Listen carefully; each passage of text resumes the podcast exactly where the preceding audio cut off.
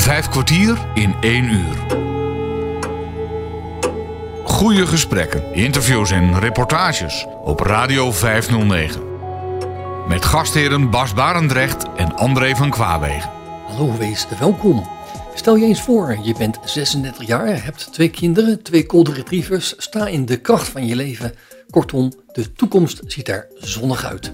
Totdat je merkt dat je onderlichaam verdoofd raakt. Het lijkt dat je met je blote voeten op glas loopt en je steeds meer belemmerd wordt in je doen en laten. Het overkwam Marjoleine Bessels. Ze kreeg in februari van dit jaar slecht nieuws toen ze te horen kreeg dat bij haar multiple sclerose, oftewel MS, was vastgesteld. Gelukkig is er wel een remmende medicatie, maar dat zal niet voorkomen dat de ziekte haar steeds meer gaat belemmeren en meer klachten op zal gaan leveren. De enige methode om haar leven weer op de rails te krijgen en de MS te laten stoppen is een stamceltransplantatie. In het buitenland. Daar zijn helaas veel kosten aan verbonden. Kosten die niet vergoed worden door de verzekering. Het is dus tijd voor drastische maatregelen. Bas spreekt hierover met Marjolein Bessels. En op een zonnig terrasje beginnen ze met een nadere kennismaking. Ik ben geboren in 1987 in Apeldoorn. Oké. En daar was het ook zo fijn als in je huidige woonplaats? Ja, ik heb daar ook een goede tijd gehad. Zeker. Ja? Ja. ja. En hoe goed was die tijd? Vertel eens wat over. Nee, ik heb de eerste 18 jaar van mijn leven in, eh, in Apeldoorn gewoond. Dus eigenlijk eh, geboren en getogen. En eh, naar school gegaan. Welke scholen? Ik ben begonnen op de Steenbeek. Dat is basisschool. Lang geleden. En daarna ben ik doorgegaan naar het Sprengerlo. Ja. Ja, dat En dan is heb je het allemaal met succes afgerond of dat niet? Zeker. Gelukkig wel. Gelukkig wel. Oké. En je bent ook vroeg getrouwd? Ja. Ja. Ja, en gelukkig gescheiden. Ja. En gelukkig gescheiden. Ja, ja, ja. Gelukkig getrouwd geweest, gelukkig ja, gescheiden. ja, maar je hebt wel twee kindertjes. Fantastische kinderen. Ja. Ja, absoluut. En eh, Hoe oud zijn ze? ze zijn op dit moment 13 en 15 jaar. Eh, twee zoontjes. Zoontjes, de eentjes, ja, nee, ze zijn bijna allebei net zo groot. Ja. Als, de- als de ene is al groter als ik en de andere is net zo groot als dat ik momenteel ben. Dus eh, twee mooie jongens. ja. Terwijl jij ook al niet klein bent. Nee, ik ben 1,75, dat Ja, klopt. Ja, ja, ja. Hé Marjolein, eh, wat, wat doe je eigenlijk voor de kost? Ik werk bij de woningcorporatie en ik, eh ik ben daar incasso-medewerker. Oké. Is dat boeiend werk? Ik vind het. eh, het klinkt heel zwaar. Hè? Incasso-medewerker, dan ben je vast en zeker de medewerker die het geld bij de mensen uit de, uit de zak komt halen als er niet betaald is. Maar dat is eigenlijk helemaal niet de essentie van mijn baan. Ik ben hier juist om ervoor te zorgen dat mensen niet bij dat incassobureau komen. Om ervoor te zorgen dat mensen geholpen worden voordat ze echt in de financiële problemen komen. En dat is heel fijn om te kunnen doen, want ik kan iets betekenen voor mensen. En dat, dat doen jullie ook echt? Ja, ja, we kunnen ook echt de cijfers, die laten ook gewoon echt zien dat er eigenlijk gewoon. Ja, er zullen altijd wel mensen zijn die, die. Ja, dat moet je wel. Het zijn echt percentueel echt hele lage cijfers die we uiteindelijk echt in de, bij de deurwaarder terechtkomen. En wat wordt het dan? Wat doet dan de deurwaarder? Ja, de deurwaarder gaat dan uiteindelijk weer opnieuw het proces aan. Hè, om te kijken van wat kunnen wij voor deze mensen betekenen. En uiteindelijk zullen ze toch een betaalfonds moeten halen. Ja. Ja, dat wel. En een huisuitzetting, gebeurt dat ook nog vaak bij jullie? Mm, nee. Het gebeurt wel, maar het is echt heel weinig. Oké. Gelukkig. Want dat is helemaal niet ons doel. Dat willen we niet. Hoeveel mensen werken er bij jullie?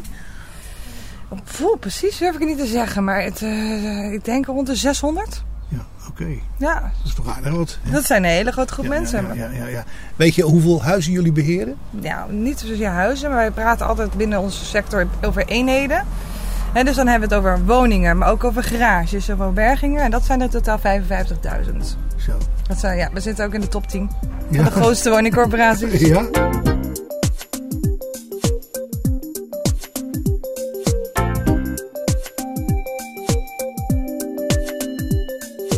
Nou gaan we naar waar we vandaag het programma over maken. Over, eh, ja, vertel het maar. Ja. Wat gebeurde er? Ik eh, was op een bewuste vrijdagmiddag in januari eh, boodschappen aan het doen.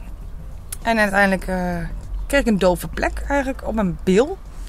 En binnen een aantal uren was die dove plek uitgebreid naar eigenlijk mijn hele onderlichaam. En je moet het een beetje zien als het gevoel alsof je anesthesie hebt gehad. Hè? Dus alsof het helemaal verdoofd is. Mhm. En eh, ja, dat was best wel eh, verontrustend. Want ja, hoe komt dat nou zomaar? Ja. Had je dat ook gelijk, de angst? De- wat, zou dat zijn? Nee, eigenlijk niet. Ik bagatelliseerde het in het begin. Ik dacht van, nou, we gaan maar even naar de fysio. Zit een zenuw, zenuw ergens bekneld. Ja. En, ehm, maar ik heb dat, ja, ik heb me niet zo heel erg druk om gemaakt. Tot ik een beetje ging lezen op, op Google van eh, allemaal narigheid die je dan tegenkomt. Dat moet je eigenlijk nooit doen. Dus ik ben uiteindelijk het hele weekend ermee doorgelopen. En op maandag pas naar de huisarts gegaan met deze klachten. En de huisarts die had ook zoiets van, nou, dat is wel een beetje heel vervelend. Die heeft me eigenlijk per direct naar de spoedeisende hulp doorgestuurd. Dus die zag wel de ernst van de zaak. Ja, want ik had natuurlijk al drie dagen ondertussen eigenlijk geen gevoel meer in mijn benen. Ja. En veel verminderde kracht in mijn benen. En ja, het is vooral heel suf. Als je geen gevoel hebt in je benen en ook niet in je voeten, dan heb je het idee alsof je op Lego-blokjes eh, Ja. Ja. onder je voeten zit met alles wat je doet. Het Maar is het werd heel niet naar. erger. Nee, het bleef echt beperkt tot mijn onderlichaam. En daarna is het gelukkig niet erger als dat. Alleen doof, alles was doof. Ehm, dus ja, daar, spoedeisende hulp. Daar hebben ze, eh, ben ik, ja, was heel druk. Deze, uiteindelijk kwamen er twee dames, dat waren twee eh, co-assistenten, die hebben mij onderzocht. En ik kon eh, op neurologisch gebied. En ik kon allerlei testjes eh, goed volbrengen. Dus ik ben naar huis gestuurd. Met mededeling, nou, er is niks spoedeisends aan de hand, u gaat niet dood. En ja, ga maar overleggen met je eigen huisarts. Maakt u zich geen zorgen, mevrouw. Ja, nee, ja, daar kwam het een beetje op neer. En dat vond ik heel erg vervelend, want ze gooiden het op stressgerelateerde krachten. En ik moest het verder met de huisarts op gaan lossen om te kijken hoe we dat dan op gingen lossen. Terwijl ik zoiets heb van, ja, maar ik zou bij God niet weten hoe dit dan weer verder moet. Je voelde geen stress. Nee, op dat moment helemaal niet. Nee. Dus, eh, dus eh, ja, nou ja, weet je, je gaat een beetje verontwaardigd en een beetje boos ga je naar huis. Maar ja, het, het, ja, zij zijn de experts, zij zullen het wel weten. En de volgende dag werd ik gebeld door de neuroloog zelf. Die het toch een beetje een vreemd verhaal vond en die me toch heel graag zelf nog wel wou zien. Die had je ook ontmoet toen? Nee, die had ik op de spoed had ik die niet gezien. Ik heb alleen twee co-assistenten gezien op de spoed. En eh, nou ja, zo gezegd, zo gedaan. Op de woensdag, dus inmiddels vijf dagen verder, eh, mocht ik bij de neuroloog op visite. Nou, dus eh, hij heeft me ook onderzocht. Alle neurologische testjes die ik op de spoed had gedaan, ook weer gedaan. En wederom slaagde ik voor alle testjes. Maar deze man die, die had een beetje een naar onderbuikgevoel. Dus hij wou toch voor de zekerheid een, een MRI-scan maken van mijn rug. En dus, zodat we een hernia konden uitsluiten, maar ook gewoon de zenuwbanen en het ruggenmerg allemaal konden zien. Hm.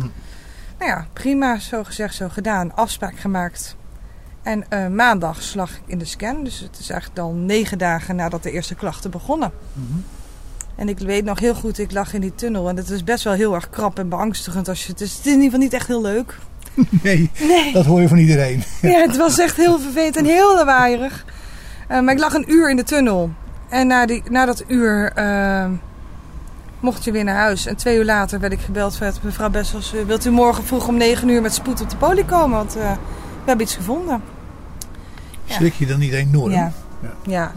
ja, op dat moment gaat er echt van alles door je hoofd heen. Ik heb de hele nacht ook niet, eh, niet kunnen slapen. En je bent gewoon, ja, dat, dat is een paniekmoment. Dat is echt een paniekmoment, want ze bellen je niet zomaar.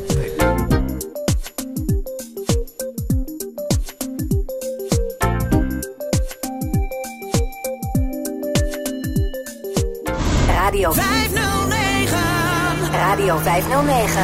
Dus eh, nou ja, zo gezegd, zo gedaan. De volgende dag om 9 uur eh, vertelde de neuroloog mij dat ze een, een ontstekingsplek hadden gevonden in mijn ruggenmerg.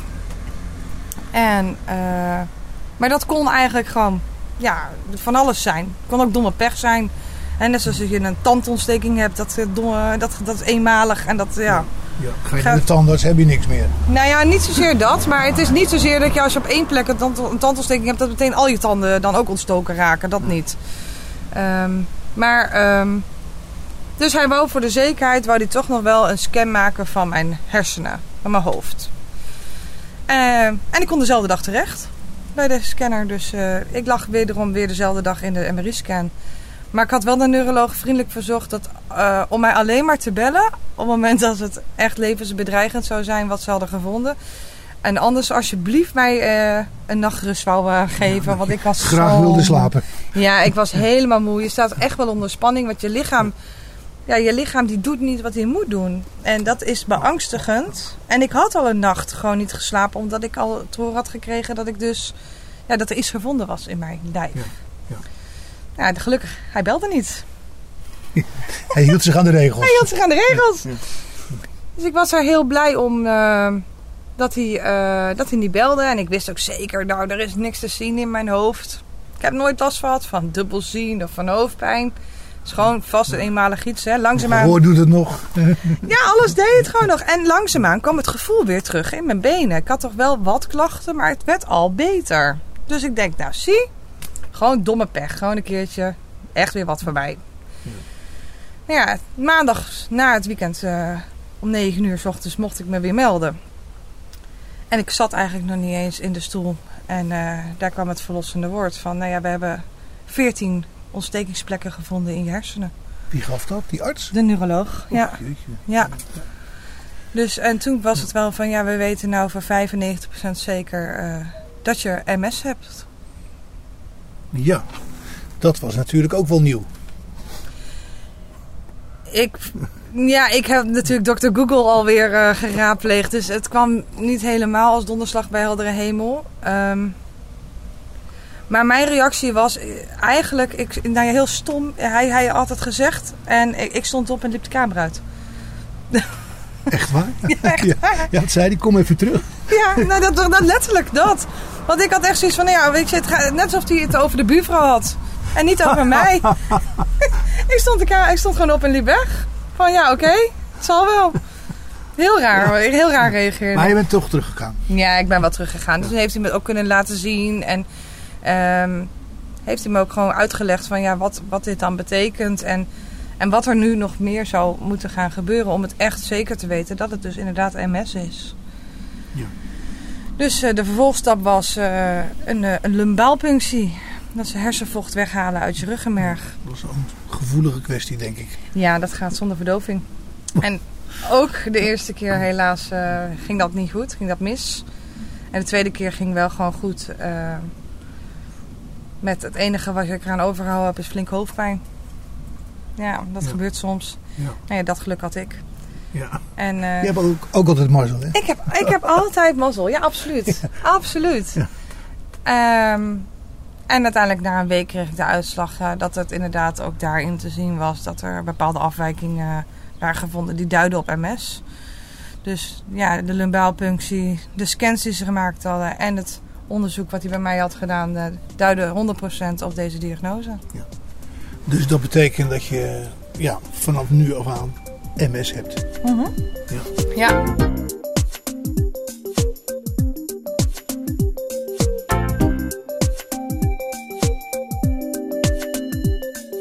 Bij Marjoleine Bessels is de ziekte multiple sclerose vastgesteld. Bas Barendrecht spreekt met haar over deze diagnose en de manier hoe dit gestopt kan worden. En werd, er ook, werd het ook nog erg? Gebeurden er nog dingen of niet meer? Nou, dat is wel het mooie. Ik heb de variant RRMS. Dat staat voor Relapse Remitting. Dus het is eigenlijk gewoon, je krijgt een aanval en mijn lichaam kan zich nog herstellen. Ja. En dat is ook wat er gebeurd is bij mij.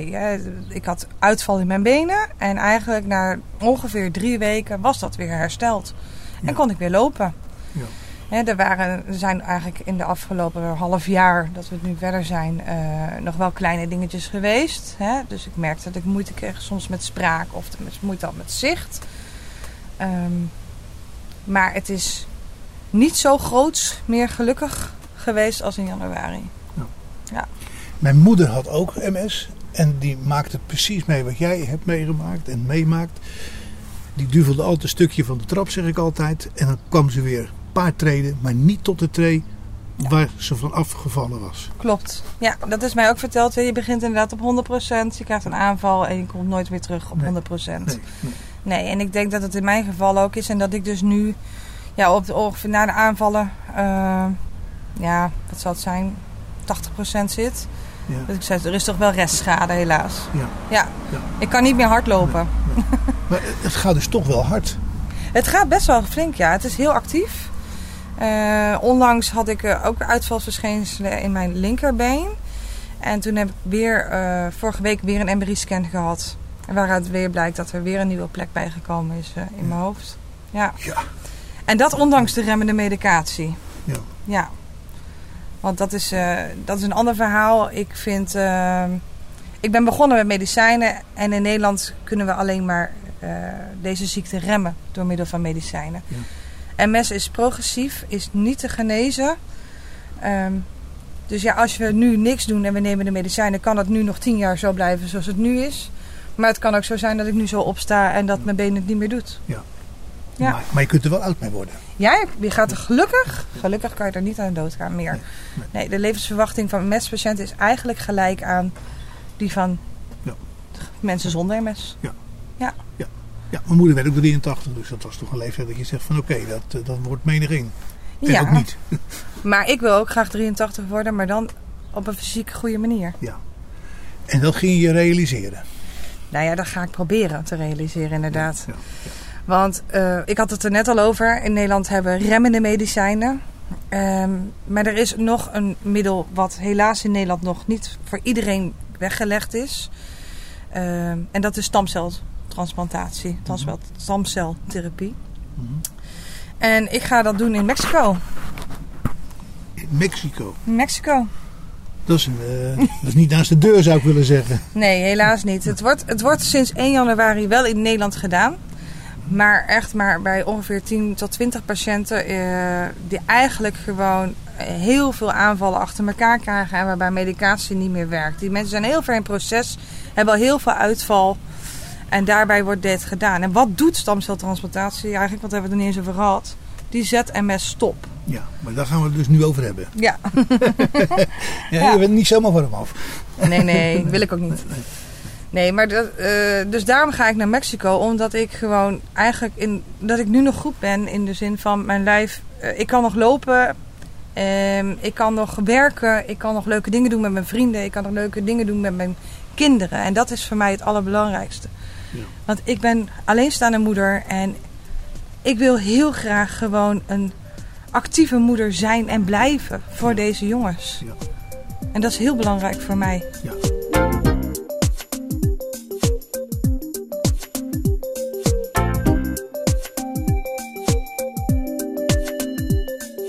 Vijf kwartier in één uur. En hoe ben je toen gekomen tot het besluit om dat te doen?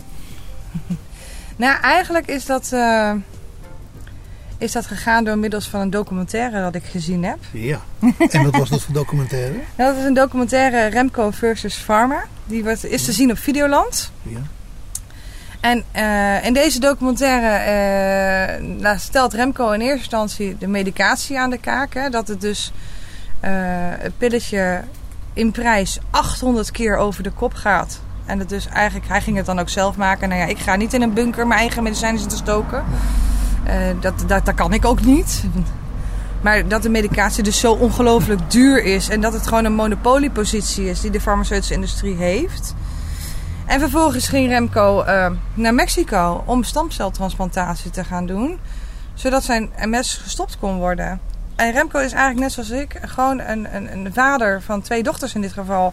Die een actief leven heeft, die een goede baan heeft. En die gewoon wil blijven doen wat hij nu doet. Ja. En ik heb Remco toevallig gisteren nog gesproken. En het gaat hartstikke goed met hem. En zoals het er nu nog steeds naar uitziet, eh, staat hij, is de MS gewoon ook echt gestopt. Ja. Ja. ja. Dus hij heeft geen MS meer. Hij heeft nog steeds MS. Maar, in, eh, want die diagnose heb je, want je hebt ontstekingsplekken in je hoofd. Hè? Dat zijn de littekens. Ja, die gaan niet over. Die gaan niet over. Nee. Nee. het is namelijk niet te genezen, maar het is wel gestopt. Ja. Het gaat dus niet verder meer. En hij, eh, hij zal gewoon de man blijven die hij nu is. Hij gaat de normale le- verouderingsproces ingaan. Ja, ja, ja. Ja. ja. En actief.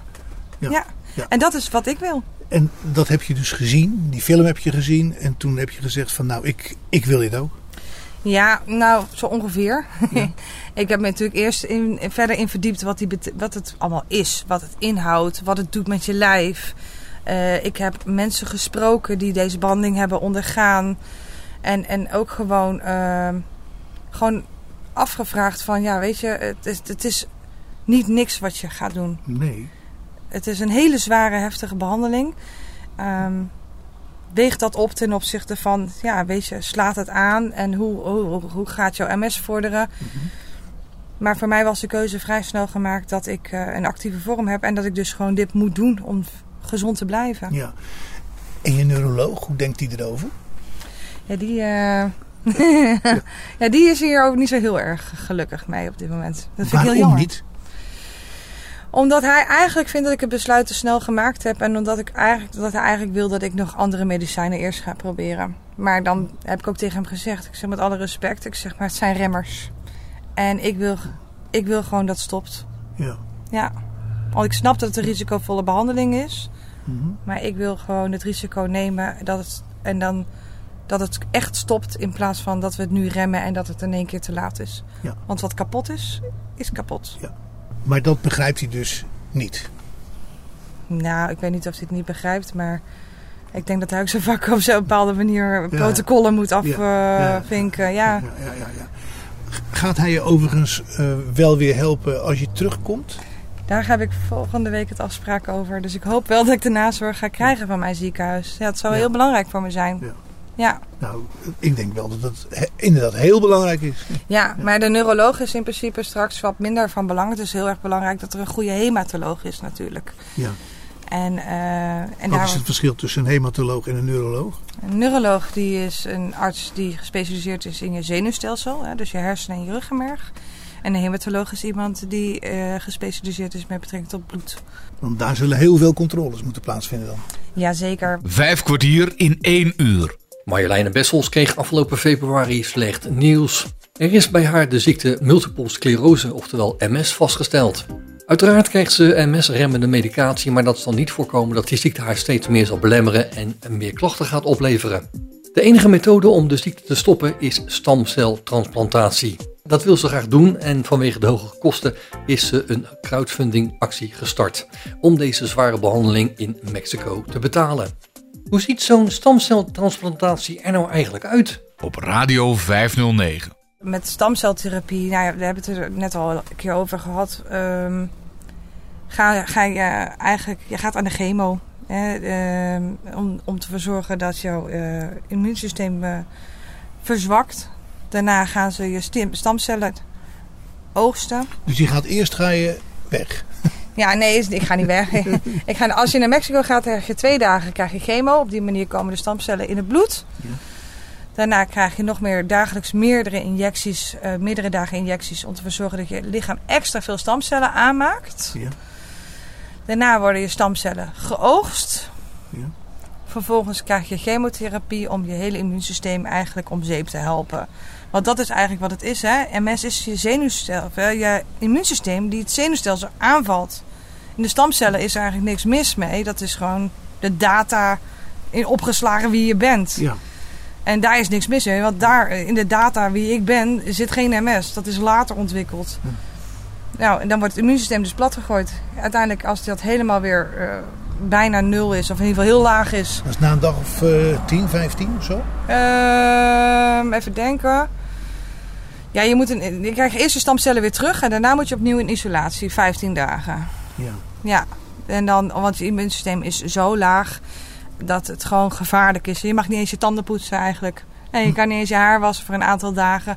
Totdat je bloedwaardes weer hoog genoeg zijn zodat je dat weer kan doen. Maar En worden die elke dag dan weer gemeten, die bloedwaardes? in, in Mexico in eerste instantie wel. Wordt dat regelmatig gewoon eh, gemeten en zorgen dat het allemaal eh, weer op peil eh, komt. Want ja, je komt gewoon in een hele lastige fase terecht. Ja. Een moeilijke, risicovolle fase.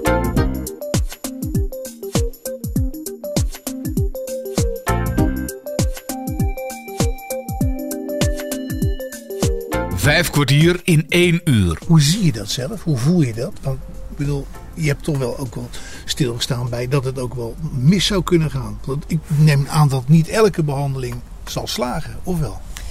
Nou, tot nu toe, wat, wat, wat mij in ieder geval bekend is, is gewoon dat het best wel heel erg veilig is. Het is eigenlijk, ik geloof dat ik het goed heb uitgezocht, is het 1% kans dat er iets met je zou kunnen gebeuren. Ehm, dus dat is heel laag. En wat is iets gebeuren? Nou, dat je bijvoorbeeld een, een virus oploopt, eh, terwijl jij geen immuunsysteem meer hebt, ja, dat, dan heb je een probleem. Want je, kan, je lichaam kan dat niet bestrijden. Nee. Dus het is heel belangrijk dat je je dus aan alle regeltjes houdt. Hè? Dus even dat je buiten virussen, buiten bacteriën, alles gewoon weert. Zodat je op dat moment niet ziek wordt. Ja, totdat je lichaam weer een beetje immuunsysteem heeft opgebouwd. Ja. Maar dan ben je hoeveel dagen verder? Na de stamceltransplantatie is dat ongeveer een dag of 10, 15. Hangt Ja. er een beetje vanaf hoe snel het lichaam eh, weer opknapt. Mhm. Ja. En dan, eh, als je bloedwaardes dan weer gewoon op dermate van eh, hoogte zijn. Ik, ik zeg het even uit mijn hoofd hoor. Ik weet het nog niet helemaal. Ik geloof dat, je, dat je bloedplaatjes weer op 1800 moeten zitten. En dan mag je weer naar huis. Ja. Maar dan ben je nog niet klaar. Want, wat dan? Dan mag je naar huis. Dat zou heel erg fijn zijn dat we weer eh, het vliegtuig in mogen om weer naar huis te kunnen gaan. Maar je bent nog steeds ongelooflijk vatbaar. Ja. En zwak. En ehm, En ga je dan gelijk eh, naar een huis waar ook je kinderen weer zijn? Of nee, ga je nee, gewoon naar een huis gewoon- waar geen kinderen zijn? Nee, mijn, eh, mijn kinderen die zullen opgevangen worden. En ehm, ik zou ze best wel een keertje mogen zien. Maar ik moet 100% zeker weten dat die kinderen op dat moment zich niet, niet verkouden zijn of wat dan ook. Eh, want dat is gewoon risicovol in eerste instantie. Ja. En ehm, uiteindelijk wil ik heel graag weer voor mijn kindjes zorgen. Maar ik moet echt even eerst zorgen dat ik het ook aan kan. Ja. Ja, Ja, dat begrijp ik donders goed. Ja. Dus je gaat in feite als je uit het vliegtuig stapt hier, ga je wel naar huis. Ja. Maar je kinderen zijn niet thuis. Er is Oh, niemand nee. thuis. nee, nee, nee. Ik ga er naartoe eh, met mijn moeder. Ja. Eh, mijn moeder, die eh, ben ik heel blij mee. Die gaat mij vergezellen in Mexico en ook voor mij zorgen daar. En, eh, eh, mijn moeder zou ook met mij meegaan eh, naar mijn huis, waar, eh, waar ze eventueel nog waar je moet voor zorgen als dat nodig is. Ja. Ik hoop dat het niet te lang nodig is. Maar En voor je moeder is er ook een, een, een regeling dat ze vrij kan nemen of zijn die dagen? nou, zover ik van haar begrepen heb, doet haar werk echt. echt die, doet het hartstikke goed. Ze vinden dat ze ook gewoon moet gaan, dat ze voor me moet zorgen en dat, dat ze gewoon kan gaan. Ja. Ja, Geweldig. dat is heel fijn. Ja. en dan, oké, dan ben je dus eh, op een goed moment ben je opgeknapt. Ja. Eh, dat wil zeggen, je hebt alles wat je moet hebben en, en, en, en de MS eh, is niet meer actief in je lijf. Mhm. Wat dan? Dan is het MS ik, in de zin van, wat dan? Dan kan ik mijn leven gewoon weer leven zoals ik het wil. Ja, ja. En dan kan ik de actieve moeder zijn voor mijn kinderen die ik wil zijn. En dan kan ik de vriendin zijn voor mijn vriend die, die, die hij ook verdient. En ehm, weet je, en, en de, dan kan ik de werknemer zijn voor, voor mijn werkgever die ik wil zijn. Ik kan auto blijven rijden. Ik kan gewoon leven zoals ik wil doen. Wat, wat ik gewoon wil zijn. Ja. Terwijl als je dat dus niet doet, dan zit je dus vooralsnog een keer in een scootmobiel. Ja. Ja. het is op dit moment heel actief, dat weten we. Ehm, en er is gewoon een, een, een geringe kans eh, dat ik relatief snel inderdaad eh eh, uitvalsverschijnselen kan krijgen. Ja. En dat kan inderdaad in mijn benen zijn, dat kan in mijn armen zijn, dat kan incontinentie betekenen. Dat kan betekenen dat mijn zicht weg gaat vallen. Dat kan op allerlei verschillende manieren zijn, maar in ieder geval dat ik hulpbehoevend ga worden. Ja. En ja, ik ben een vrij onafhankelijke vrouw. Ja. Die dat er heel graag ook wil blijven. Ja.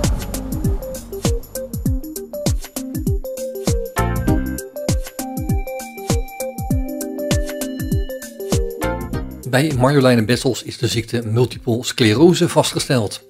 Bas Barendrecht spreekt met haar over deze diagnose en de manier hoe dit gestopt kan worden. Nou Marjolein, maar nou ga je dus crowdfunding doen. Ja, Je moet de kosten bij elkaar zien te, zien te scharrelen.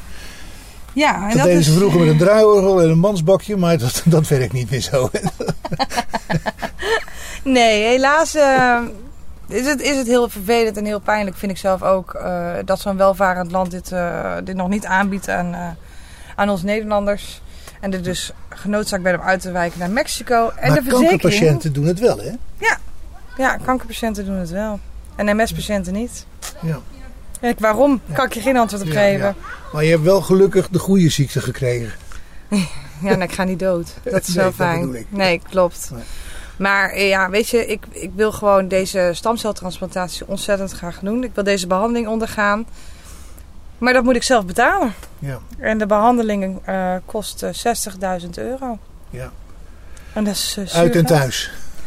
Ja? Met, met Nee, nee, verblijf. nee, ja, nee. Dit is puur alleen de behandeling. Oké. En daar komen dus nog de vliegtickets, et cetera, komt erbij. Dus ik heb een bedrag ongeveer eh, visa van 65.000 euro nodig. Ja.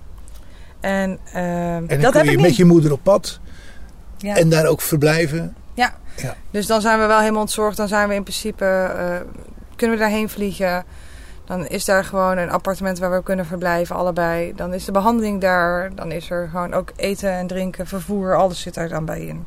Ja. Maar sneu geld, want ik heb het helaas niet. eh, Nee, heeft dat niet hoor. Nee. nee, nee.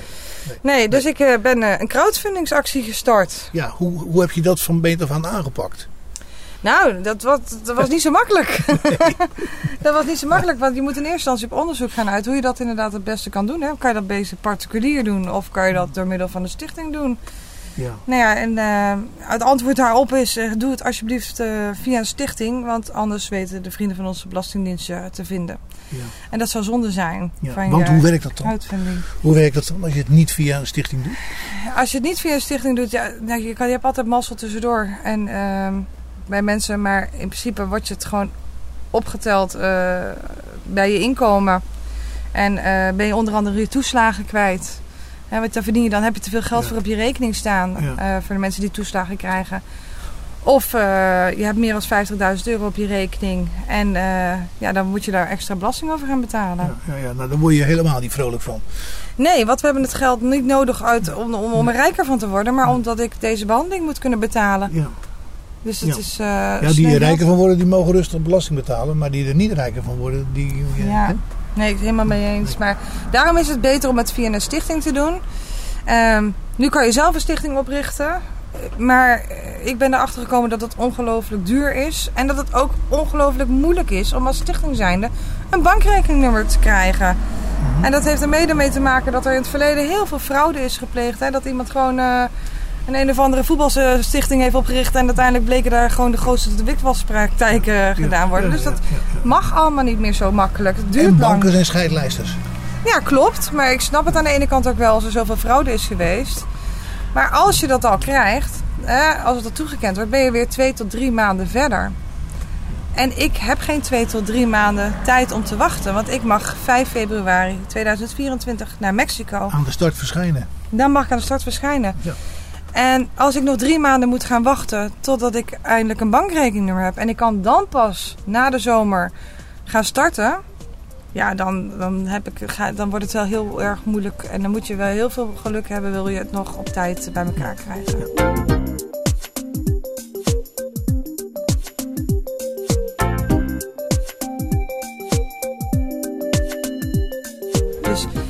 Wat heb ik gedaan? Ik, eh, ik heb me aangesloten bij de stichting MS Vrij Leven. Wat is dat voor stichting? Dat is een fantastische stichting. Ehm, deze stichting is ooit in het leven gebracht omdat een, eh, een echtpaar eh, allebei MS had. Hoe, hoe treffen ze het? En ehm, uiteindelijk zijn zij voor deze behandeling, eh, stamcelbehandeling, naar Moskou gegaan. En, eh, en deze eh, stichting heeft een crowdfunding opgezet om daar dus voor deze twee mensen geld op te halen om naar Moskou te kunnen. Ja. Zijn daar ook geweest en het gaat heel goed met ze. Het Gelukkig. lijkt me nu niet echt een optie om naar Moskou te gaan. Nee, klopt. Dat, eh, alleen al het feit dat daar nu oorlog is, dat ik daar niet wil zijn. Maar financieel gezien mogen we momenteel geen transacties uitvoeren naar Moskou toe.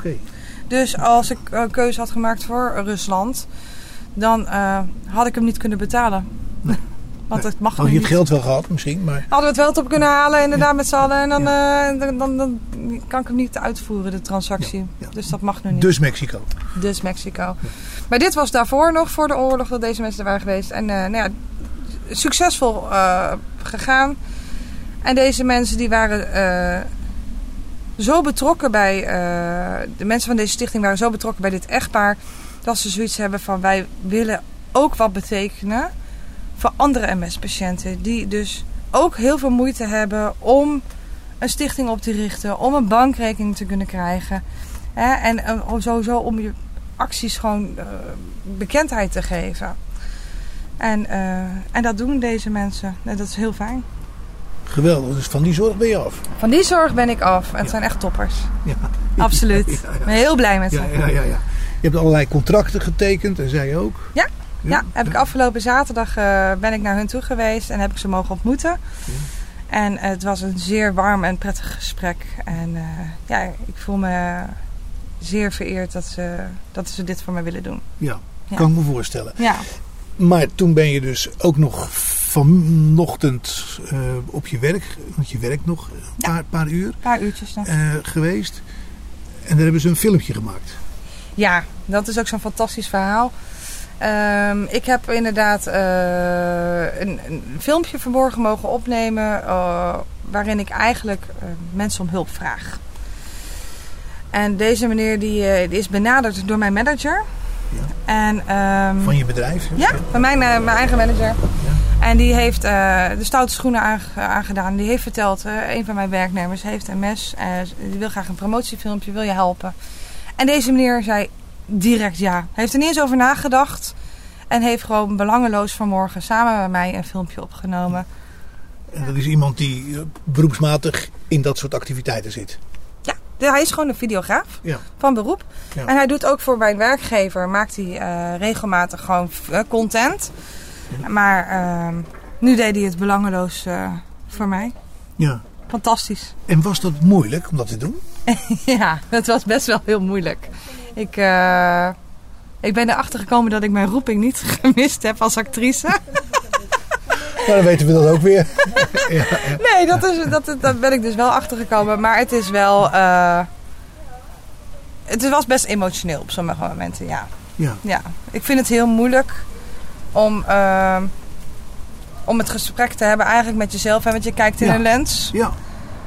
En dat je gewoon moet erkennen dat je hulp nodig hebt. Ja. Ja. En dat valt zwaar. Ja, ehm, zoals ik net al zei, ik ben een onafhankelijke vrouw. Ik verdien eh, graag mijn eigen centjes en ik hou mijn eigen broek omhoog.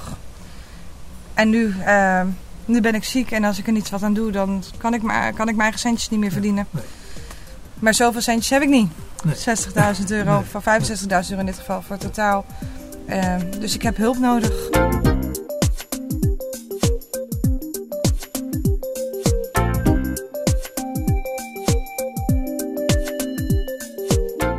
Radio 509. En hoe kunnen mensen daar nou een bijdrage in leveren? Nou, mensen kunnen gaan naar www.marjoleinetegenms.nl Hoe speel je dat, Marjoleine? M-A-R-J-O-L-E-I-N-E. Tegen MS. Aan elkaar? Of Aan elkaar, alles aan elkaar vast. Marjoleine tegen ja. .nl. Ja. En op mijn website vinden mensen een doneerbutton. En eh, dat gaat door middel van een QR-code kan je ook scannen. Of je kan gewoon eh, het bankrekeningnummer volgen wat daar vermeld Ja. staat. En je hebt er ook nog een stukje tekst voor moeten inspreken? Voor de website. Ja. Nee, voor de website heb ik gewoon alle teksten zelf, gesproken, zelf geschreven. Nee, dus, dat, dat komt daar niet. Voor het filmpje bedoel ik? Oh, voor het filmpje? Ja, ja, ja. ja, ja. Nee, voor, de, voor het filmpje heb ik een stukje tekst geschreven. En dat heb ik uiteindelijk dan... eh, die, ja, die, staat ook op de website, dus die kunnen mensen ook bekijken. MS is een auto-immuunziekte die mijn zenuwstelsel aanvalt. Het is helaas ook een progressieve ziekte. Op 5 februari 2024 ga ik naar Mexico voor een stamceltransplantatie. Deze behandeling wordt helaas in Nederland nog niet vergoed. In Nederland vergoeden ze alleen remmende medicijnen. Maar remmende medicatie is voor mij niet voldoende. Op deze manier zou ik niet meer het leven kunnen leiden zoals ik dat wil leiden. Niet meer de dingen kunnen doen met mijn kinderen. Niet meer met mijn vrienden weg kunnen gaan. Geen auto kunnen rijden. Niet meer kunnen werken. Stamceltransplantatie kost 60.000 euro. Dat is een heleboel geld, wat ik helaas niet heb. Ik heb daarbij jullie hulp nodig. Zouden jullie mij willen helpen om dit bedrag bij elkaar te krijgen, zodat ik deze behandeling kan ondergaan? Zodat ik weer een toekomst heb, samen met mijn kinderen, en ik ook gewoon de moeder kan zijn die ik wil zijn? Kunnen jullie me daarbij helpen? In een gesprek met Marjoleine Bessels hoorde je dat de stamceltransplantatie in Mexico om haar MS te stoppen minstens twee tot drie weken gaat duren. Een aantal weken waar ze nagenoeg niet mag en kan doen en dit om complicaties te voorkomen. Ze heeft daarom haar moeder gevraagd of ze mee wil om haar te ondersteunen.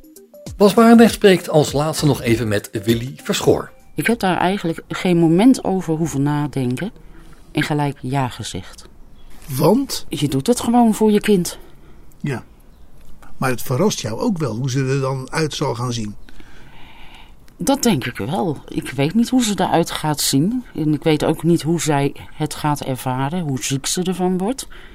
Ik ga van het ergste geval uit, dan kan het alleen maar meevallen. Ja, en wat, wat noem jij dan het ergste geval?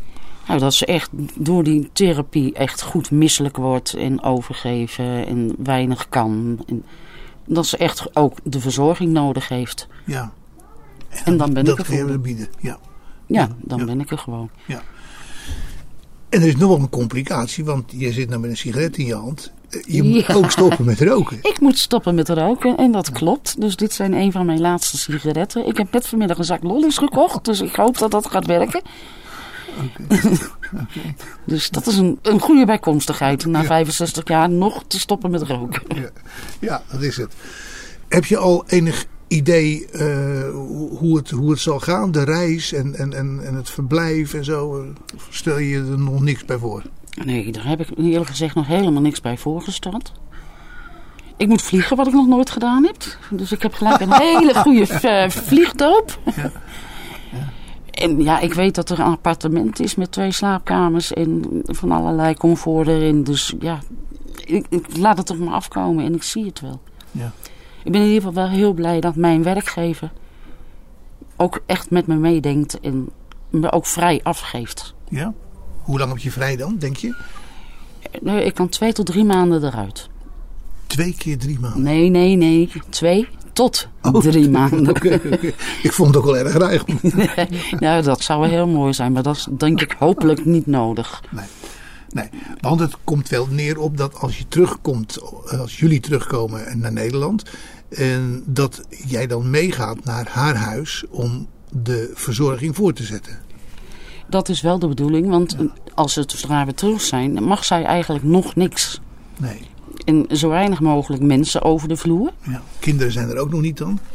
Dat weet ik eerlijk gezegd niet. Nee, dat hebben we besproken. Oh, de kinderen zijn er nog niet. Oké. En de, de honden die ze heeft, die zijn bij mijn andere zoon. Dus die zijn er ook niet. Maar zij heeft zelf de verzorging nog wel nodig. En er moeten toch ook boodschappen gedaan worden en dat soort dingen. Ja. Dus dan gaat de verzorging hier in Nederland gewoon weer door. Zie je het zitten? Ja, ik zie het wel zitten. Aan de andere kant zie ik er ook best wel tegenop. Het is toch je kind die ziek is. En de haar verliest. Ja, maar dat groeit wel weer aan. Ja, maar, maar als ze het niet heeft, dan ziet ze er toch echt heel anders uit. Ja, maar haar bedoeling is toch dat ze een pruik al voor die tijd eh wil hebben voordat ze überhaupt maar naar Mexico gaat. Ja. En Dan heeft ze die pruik en die wordt gemaakt van de eigen haar is de bedoeling. Dus Dus je kan er alvast een beetje aan wennen. dan, dan kunnen we er vast aan wennen, ja. Wat makkelijk als ze moet spugen, want dan, hoef ik alleen de pruik maar af te gooien. En niet de haar aan de kant te doen. Om Marjoleine te steunen en haar MS te stoppen is men een crowdfunding gestart. Wil jij haar, zoals we al vroeg, financieel steunen om deze rotziekte te stoppen? Dan kan je dat doen op de website www.marjoleinetegenms.nl M-A-R-J-O-L-E-I-N-E. Tegen MS. Aan elkaar? Of Aan elkaar, alles aan elkaar vast. Marjoleine tegen. .nl. Ik bedank je, mede namens Bas Barendrecht, voor het luisteren. En heb je nog vragen of opmerkingen? Of weet je een onderwerp waar Bas achteraan kan gaan? Dan kan je een mailtje sturen naar bas.radio509.nl Geniet van de rest van deze dag. Blijf luisteren naar Radio 509. En tot een volgende keer. Vijf kwartier in één uur is een programma van Bas Barendrecht. Techniek André van Kwaabegen.